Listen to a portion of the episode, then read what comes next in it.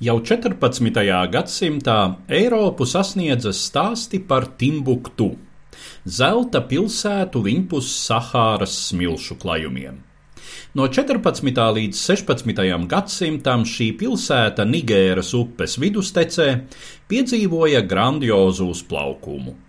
Arābu tirgotāji no vidusjūras piekrastes šķērsoja Sahāru, vezdami audumus, zirgus un sāli no tūkstneša raktuvēm, lai to visu šeit iemainītu pret zeltu, ziloņkaulu, vergiem un citām ekvatoriālās Āfrikas precēm, kas te nonāca laivās pa Nigēru. 16. gadsimta sākumā, kad Timbuktu ietilpa plašajā Songaju impērijā, Tā bija arī islāma teoloģijas un zinātnes metropole. Šai laikā pilsētu apmeklēja Granādā dzimušais arābu geogrāfs Hasans Al-Fassi, kurš vēlāk pārcēlās uz Eiropu, kristījās un ar vārdu Leons Afrikānis sarakstīja tolaik pilnīgāko Ziemeļāfrikas un Sahāras reģiona geogrāfijas apcerējumu, kurā plaši aprakstīja arī Timbuktu.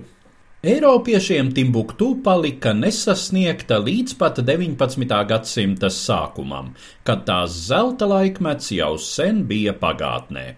Pilsēta tagad atradās uz dažādu cilšu un valstiņu varas sfēru robežas, un tajā periodiski valdīja te kāds Sahāras tuaregu vadonis, te Nigēras baseina melnādainais karalis, te vietējais valdnieks. Eiropiešu ceļotājiem šīs zemes bija ļoti neviesmīlīgas. 1806. gadā Skots Mungo Pārks sasniedza Timbuktu, kuģodams laivā lejup pa Nigēru.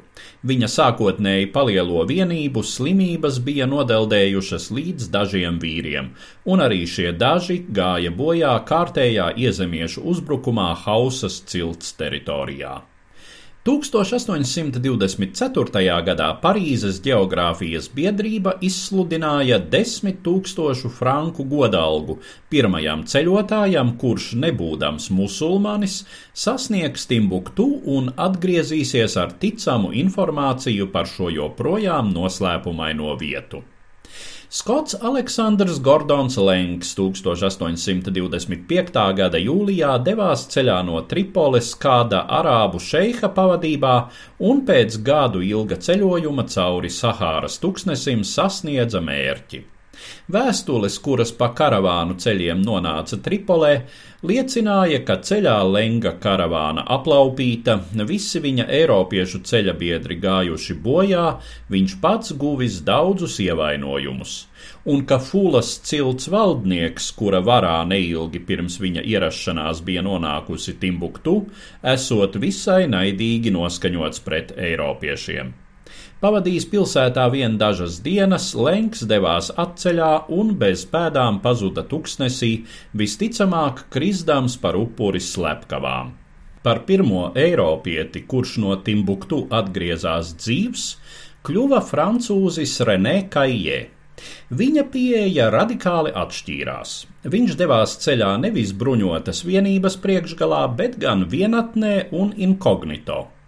Kaijē bija vairākus mēnešus pavadījis pie kādas cilts Mauritānijas dienvidos, kur iemācījies arābu valodu, iepazinis viņu dzīvesveidu un ticību.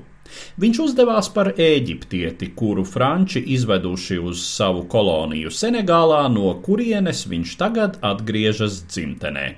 Devies ceļā no Gvinējas 1827. gada aprīlī, pseido-eģiptietis ceļoja uz ziemeļaustrumiem, slimības dēļ uz pieciem mēnešiem iestrēga kādā ciematā tagadējās Kodivāras ziemeļos, un galu galā pēc gada 1828. gada 20.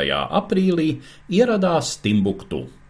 Šeit viņš, neradot vietējo aizdomas, pavadīja divas nedēļas, Tad pievienojās karavānai, kas devās uz Maroku, un tā paša gada rudenī atgriezās Francijā. Ziņas, kuras Renē Kaijē pārveda geogrāfijas biedrībai, nebija iedvesmojošas.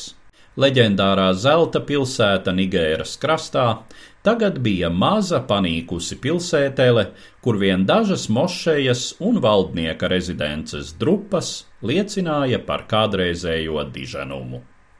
Stāstīja Eduards Liniņš.